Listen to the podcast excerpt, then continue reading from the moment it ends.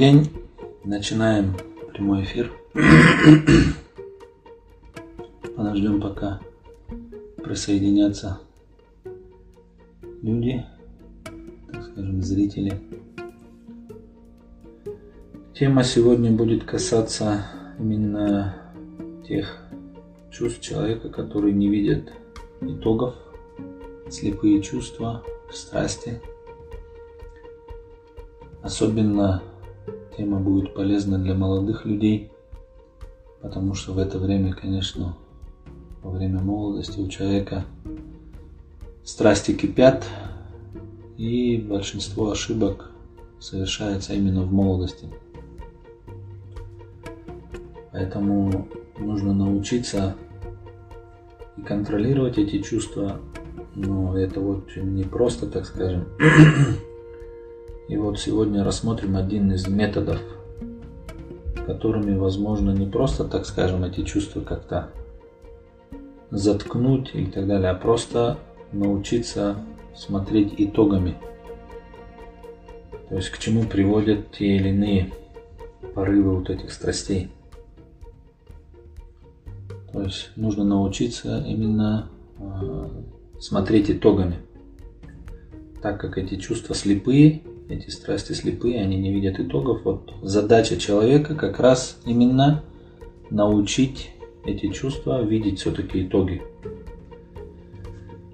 И особенно, конечно, это в первую очередь обращено к молодым людям, тем более в наше время, время вот такой, скажем, распущенности, да, цивилизации, где куча соблазнов, куча рекламы всякой и так далее, и так далее – и люди, многие не понимая этого, конечно, бегут за этим, за всем и мучаются, получая удары молодости. Ну так, начнем, потому что время начала эфира было заранее объявлено. Кто не успел, посмотрит в записи. Что нужно знать? Что молодость, она обязательно пройдет. Точно так же, как за днем приходит вечер и ночь, Точно так же, как за летом приходит осень и зима, точно так же обязательно наша молодость пройдет. Если мы не удержимся в кругу, так скажем, божественных законов, того, что дозволено Создателем, то эта молодость, исчезнув, принесет на нашу голову и в этом мире, и в могиле, и в вечной жизни гораздо больше бед и мучений, чем даст наслаждений сейчас. То есть такой интересный момент. То есть есть некий круг того, что дозволил Всевышний Создатель. И в принципе тех наслаждений, которые находятся вот в этом кругу, они достаточны для человека, для его, так скажем, вот этих чувств, которые хотят каких-то наслаждений. И выйдя за этот круг, то есть нарушив, так скажем, божественные законы, в греховные места, так скажем, греховную территорию, то есть нужно понять один момент – который, в принципе, любой человек, если обратит на себя внимание, он это поймет, что все равно мы не удовлетворимся. То есть сколько бы мы наслаждений не получили, и какие бы эти наслаждения не были, так скажем, особенно греховные, то есть нужно понять, что ну вот выйдешь ты за этот круг дозволенного, насладишься ли ты? Очень легко можно понять, что нет, потому что если ты сравнишь того, что ты уже испытывал в своей жизни, насладился ли ты? Нет. И сколько бы ты, так скажем, в эту бездонную бочку не закидывал вот этих наслаждений, бесполезно. Единственное, что ты сделаешь, ты насобираешь грехов, то есть проведешь свою молодость, полностью потратив ее, вот эти все, так скажем, самые важные ресурсы, вот эту энергию на абсолютно пустые и даже вредные вещи. То есть, а если же с помощью, так скажем, воспитания вот этими божественными истинами, божественными законами, провести эту молодость в рамках дозволенного Создателем, то это будет как некая благодарность за этот дар молодости. Да? Вы будете использовать ее, сохраняя целомудрие, порядочность и смиренность. То эта молодость запечатлится в вечности и станет причиной для обретения вечной молодости человека. То есть человек, грубо говоря, не хочет же, чтобы у него что-то уходило, что-то кончалось, особенно он не хочет, чтобы уходила молодость. И все мы видим, как и особенно женщины пытаются, ну и мужчины сейчас пытаются сохранить свою молодость, там следят, там ходят в какие-то заведения, там, и так далее. Но все же понимают, что это невозможно удержать вот таким способом, так скажем, таким искусственным. Единственный способ человеку действительно сохранить, сохранить для себя молодость, и не просто сохранить, а сделать ее вечной, это если он проведет эту молодость в рамках дозволенного Всевышним Создателем. Определить э, этот круг дозволенного, конечно, это нужно обращаться к божественным предписаниям, которые Всевышний послал через своих пророков, да, через Писание. И там, в принципе, все это, то есть там, все эти заповеди, они всем, в принципе, известны. Но дело в том, что никто на них сейчас не обращает внимания. Все бегут за своими вот этими слепыми страстями, пытаясь просто удовлетвориться. Но дело в том, что просто нужно понять, что вот присмотреться к себе, присмотреться вот с этим своим чувством, вот к своему естеству, и нужно понять, что все равно ты не удовлетворишься. То есть сколько бы и чего бы ты там не употреблял, какие бы наслаждения ты не испытывал, ты не удовлетворишься. То есть это невозможно. Это вот э, есть такая, как бы, как сказать, рассказ один, да, то есть такой еще индейский, да, то есть все там животные, звери, все создания Земли увидели, что человек что-то грустный. И тогда каждый, там, каждое создание отдало все, что у него есть, там, там, не знаю, там, орел отдал зрение, там, не знаю, там, гепард скорость, там, кто-то силу и так далее, и так далее. То есть все отдали ему и дальше смотрят на человека, а человек опять что-то э, недоволен, то есть он грустный. Они его спрашивают, а что с тобой? Он говорит, а мне опять чего-то не хватает. То есть человек, просто нужно понять вот эту вот сущность человека, что человек, он на самом деле создан для вечных наслаждений, да, вот для чего-то не кончающегося. А это только его ждет, конечно же, то есть, скажем, в вечном мире. Да? И если он проведет свою жизнь так скажем, на пути Всевышнего, да, в рамках дозволенного Всевышним, то уже здесь он будет, в принципе, получать наслаждение без печальные, без горьких последствий и понимая, что проводя свою жизнь в этом кругу, он зарабатывает себе вечную жизнь и вечную молодость. То есть жизнь, если у человека нет веры, да, или же если эта вера есть, но из-за неподчинений или из-за того, что человек не развивает свою веру, не делает ее осознанной, если она не имеет влияния на человека, то вместе с внешними коротенькими удовольствиями и наслаждениями, эта жизнь в тысячу раз больше по сравнению с этими удовольствиями и наслаждениями приносит мучений, тоски и печали. То есть это похоже на то, что вот эти вот такие вот греховные наслаждения, которые находятся за рамками того, что дозволил Создатель, они похожи, как вот знаете, это как будто вам предложили вот одну изюминку, но за это вам предлагают дать там 100 пощечин. Вот кто на это согласится? В принципе, ни один разумный человек не согласится на это. Но дело в том, что вот наши вот эти вот слепые вот эти чувства, вот эти страсти, они настолько тупы, да, настолько не хотят видеть вот этих итогов, что человек идет все-таки вот на эти какие-то куцы и наслаждения, и за это получает удары не просто пощечины, а конкретные удары, которые просто его и унижают, да, и просто заставляют страдать конкретно. Плюс человек, еще его натура в чем заключается?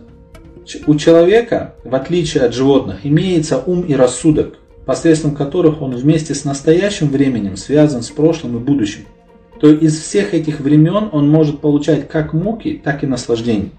То есть чем мы отличаемся от животных? От животных тем, что у нас есть ум и рассудок, и мы через этот ум и рассудок связаны и с прошлым, и с будущим. То есть мы не зажаты только в этом настоящем времени. Да? И из этих миров, то есть как из прошлого, так и из будущего, человек может получать как наслаждение, так и мучение. А у животного же, поскольку оно не является разумным, наслаждения, испытываемые им, не портятся ни печалями, идущими из прошлого, ни страхами и опасениями, идущими из будущего. То есть получается, что животное именно вот в этих чисто таких животных наслаждениях, таких как бы материальных, так скажем, оно в сто раз выше, чем человек. Потому что оно получает на 100% не печалist, то есть ее не заботит, что там было в прошлом. Да? То есть возьмите любое животное, да? даже если у этого животного там погибли все ее дети, да, оно не печалится. То есть там может быть пару-тройку дней там что-то и почувствует, потом это проходит, и все, она живет дальше обычной жизнью, да? но человек же так не может. То есть человек из-за разума, он связан и с прошлым, и с будущим. И его печали прошлого он настигает сейчас. Вроде бы внешне это же уже прошло, но нет. Человек через вот эту память, через этот разум получает печали, идущие из прошлого. И плюс человек постоянно беспокоится за будущее. Не просто за свое будущее, а за будущее всех тех, кого он любит. Там, дети, родители, родственники, не знаю, любимые, кого он там любит. То есть человек, получается, с этой точки зрения, он полностью лишен покоя. Да? И из-за этого даже многие люди, не выдерживая вот этого постоянного переживания, вот этого, э, как сказать, вот этого давления, так скажем, со всех этих миров, очень многие люди, кстати, и начинают прибегать к какому-то самоопьянению и развлечениям для того, чтобы не чувствовать вот это беспокойство, вот эту боль, эту печаль, да, чтобы уйти в какую-то другую реальность. Потому что их эта настоящая реальность, она их давит и мучает. Человек же, еще раз, если он впал в заблуждение и беспечность, то тоска прошлого и опасение будущего серьезно огорчает и портит его неполное и частичное наслаждение сейчас. То есть даже если сейчас человек все нормально у него, у него все там э, как бы он в тепле, сытый, обутый и так далее, но человек все равно всегда думает, а что будет завтра? А что будет завтра с моими детьми? С моим, не знаю, бизнесом, тем, пятым, десятым. То есть о чем бы человек ни думал, у него везде есть тревога, везде есть вот это беспокойство. Да? А если же еще он получает греховное удовольствие, да, то оно вообще подобно отравленному меду. Внешне как бы сладкое, но приносит мучения, отравляет и его жизнь, и его естество. Следовательно, с точки зрения удовольствия жизни, человек опускается в сто раз ниже животного. То есть, если человек начинает жить именно вот в этой парадигме, да, грубо говоря, вот в этой системе просто бегания за вот этими материальными какими-то наслаждениями, то человек, получается, он не может достичь даже простого животного, потому что животное, оно получает наслаждение, то есть, грубо говоря, какая-то собачка лежит там, грызет свою косточку и наслаждается 100%. Сколько сейчас этих видео, да, где там эти животные там в полном кайфе там проводят свою жизнь. А человек может жить во дворце, вроде бы у него все нормально, он сытый, одетый, обутый, но он мучается, у него что-то не так. Вон там всякие звезды, у них там какие-то депрессии, там то, пятое, десятое, поканчивают жизнь самоубийством, какие-то миллионы поканчивают жизнь самоубийством. То есть внешне смотришь, у него все нормально. Но человек вот такое как бы создание с такой тонкой натурой настолько взаимосвязано со всем миром и со всеми временами, что из этого всего он получает как страдания, так и наслаждение. И вот если человек находится в неверии, да, в заблуждении, вот в этой беспечности, то вот для неверующего человека что такое прошлое? Прошлое это реально для него как э, большое кладбище, на котором там похоронены все те, кого он любит и кто там были, даже какие-то великие люди и так далее. Будущее, можно сказать, что это будущее кладбище. Все умрут, все исчезнут и так далее. В будущем, о чем бы он ни думал, везде есть тревога, везде есть опасения и так далее. И единственный шанс человеку, да, так скажем, действительно получать наслаждение, вот эти человеческие, да, беспечальные, это именно прибегнув к истине, грубо говоря, да, то есть через веру, через Всевышнего Создателя, да, смотреть на мир и на все эти времена. И только тогда человек может успокоиться. Да. А если же человек да, будет находиться именно в неверии, вот в этом заблуждении или в беспечности, то для него вообще по, по сути все существование и вся Вселенная находится как бы в одном дне. Все прошлое время и ушедшие миры с точки зрения от неверия и заблуждений являются несуществующими и мертвыми. И разум, связанный с прошлым, видит там лишь тьму. Будущее же без веры также мертво, несуществующее. Вечные разлуки и в итоге исчезновение постоянно заставляя размышлять о них, привносят в жизнь мрак.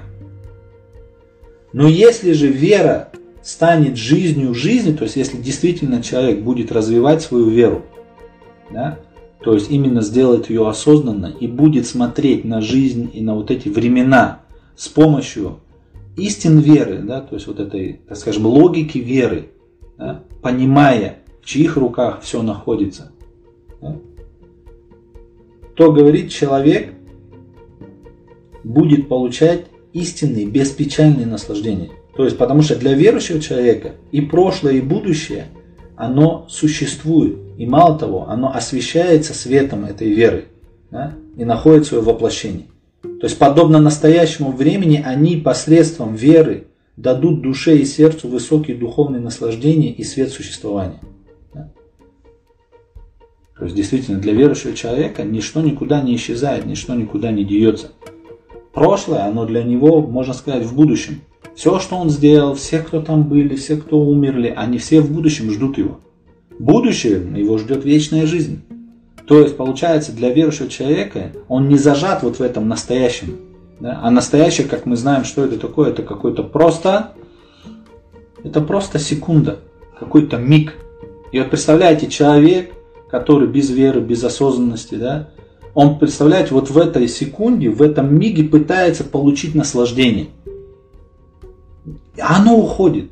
Он уходит, он не может зацепить, понимаете? Вот любой человек, если подумает о тех наслаждениях, которые он испытал в прошлом, в каких-то прекрасных местах он был, какие-то красоты он видел, какие-то там минуты, так скажем, счастья какие-то он испытывал, то сейчас он их вспоминает с чем?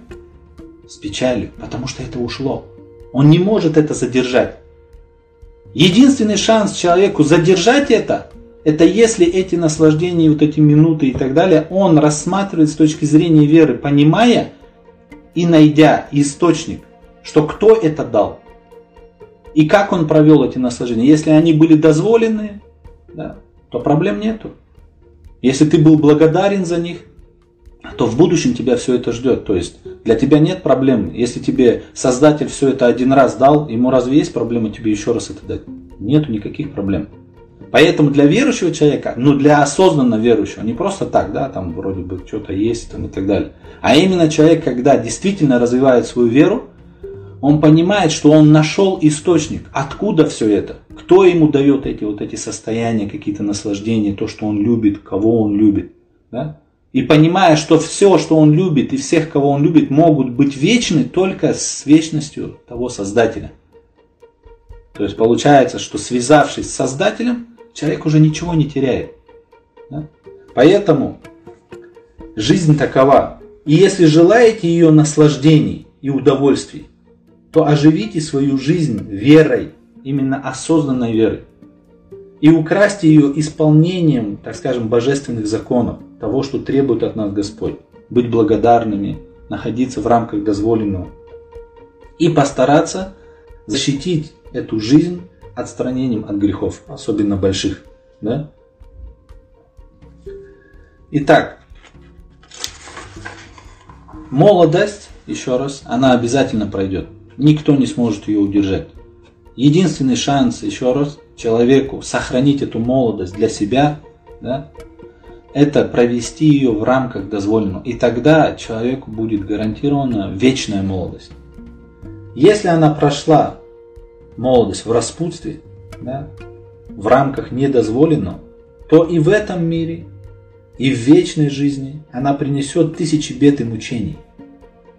если желаете понять, что такие молодые в большинстве своем попадут с духовными болезнями, идущими от злоупотребления и расточительства в больницы, от, от необузданности в тюрьмы или долговые ямы, и от духовных томлений в пивные притоны – то просто идите спросите у больниц, у тюрем и кладбищ. Конечно же, от большинства больниц вы услышите высказанные языком их состояние стоны и вздохи сожаления, идущие от болезней, злоупотреблений и расточительства молодости. И от тюрем в большинстве также услышите сожаление молодых, подвергшихся наказанию за выход на преступный путь, поддавшись дерзким устремлениям молодости, и на кладбищах, двери которых, открывшись, закрываются за, за беспрестанно входящими туда. и в загробном мире большинство наказаний именно происходит из-за того, что человек в молодости переходит вот эти границы. Посмотрите статистику. Кто сидит в тюрьмах? Большинство молодежь, 90 с чем-то процентов. Что они там делают? Почему они туда попали? Поддались вот этим страстям. Да? Какие-то долговые ямы в больнице. Особенно смотрите в какие-то праздники такие, да, так скажем. Зайдите там в приемное отделение травмпункта, да, там, или в больнице, где вот с этими травмами принимают. Вы увидите просто куча молодых. Кто-то кого-то подрезал, кто-то кого-то побил, кто-то кого-то сбил и так далее, и так далее. То есть, что тюрьмы, что больницы, да, что какие-то там притоны эти заполнены молодыми людьми. То есть, представляете, они свою жизнь просто убивают. А убивают по причине того, что просто следуют за вот этими слепыми чувствами, за вот этими слепыми страстями. А также, говорит, спросите у пожилых людей, ну у разумных, да, пожилых людей, больных, которые составляют большую часть человечества. Конечно же, в большинстве своем они скажут, о горе нам, потратили мы молодость на бесполезные, а скорее даже вредные вещи. Берегитесь, не делайте, как мы. Потому что человек из-за 5-10 лет удовольствий молодости, да, особенно проведенных за рамками дозволенного Создателя. Еще в этом мире получит много лет горя и тоски. А в ином мире, да, в загробном мире, в судный день понесет адское наказание. И тогда, когда он будет в самом огорчительном состоянии, он еще и не будет заслуживать сожаления. Потому что есть такой принцип, что если человек по собственной воле при, приносит себе вред, да, то есть он зная идет на это, то его не нужно жалеть. Он не будет как бы заслуживать сожаления. Потому что тот, кто вредит сам себе по собственному желанию, он сожаления не заслуживает, он просто недостоин этого. Поэтому вот основная как бы задача, да, особенно молодых, да, то есть понимать, во-первых, что молодость обязательно пройдет. Да, если мы хотим сохранить эту молодость, действительно сохранить и молодость, и красоту, то проведя ее лишь на пути Всевышнего в рамках дозволения, то тогда мы заслуживаем того, чтобы нам была дана вечная молодость и вечная красота. Это раз. Во-вторых, понимая, что она пройдет, и понимая, что мы все равно не удовлетворимся, и понимая вот те последствия и результаты, то есть, грубо говоря, вот толкает ваше какое-то вот такое низменное чувство, да, слепое, тупое, на какие-то там наслаждения. Просто попытайтесь посмотреть чуть-чуть дальше – Ладно, вот сегодня ты получишь это наследие. Во-первых, ты все равно не удовлетворишься. И дальше, да, к чему это приведет, какие последствия, стоит ли оно того? Явно, то есть любой человек. И вот таким методом, то есть постоянно, грубо говоря, общаясь с самим же собой, по сути, да, со своими вот этими страстями, возможно приучить свои вот эти низменные страсти, видеть все-таки эти итоги, видеть вот эти вот последствия в будущем. Если есть какие-то вопросы, Задавайте, пусть Всевышний спасет и сохранит нас и вас от этой затягивающей смуты, особенно нашего времени, да, чтобы мы смогли, так скажем, и свою молодость, и свою жизнь провести в рамках довольства Всевышнего, чтобы Всевышний нами был доволен, а от этого была счастливая наша вечная жизнь. И эта жизнь тоже, в принципе. Если на данный момент вопросов нету, можете вопросы оставлять в директе. Постараюсь в будущем ответить на них. Всем всего доброго.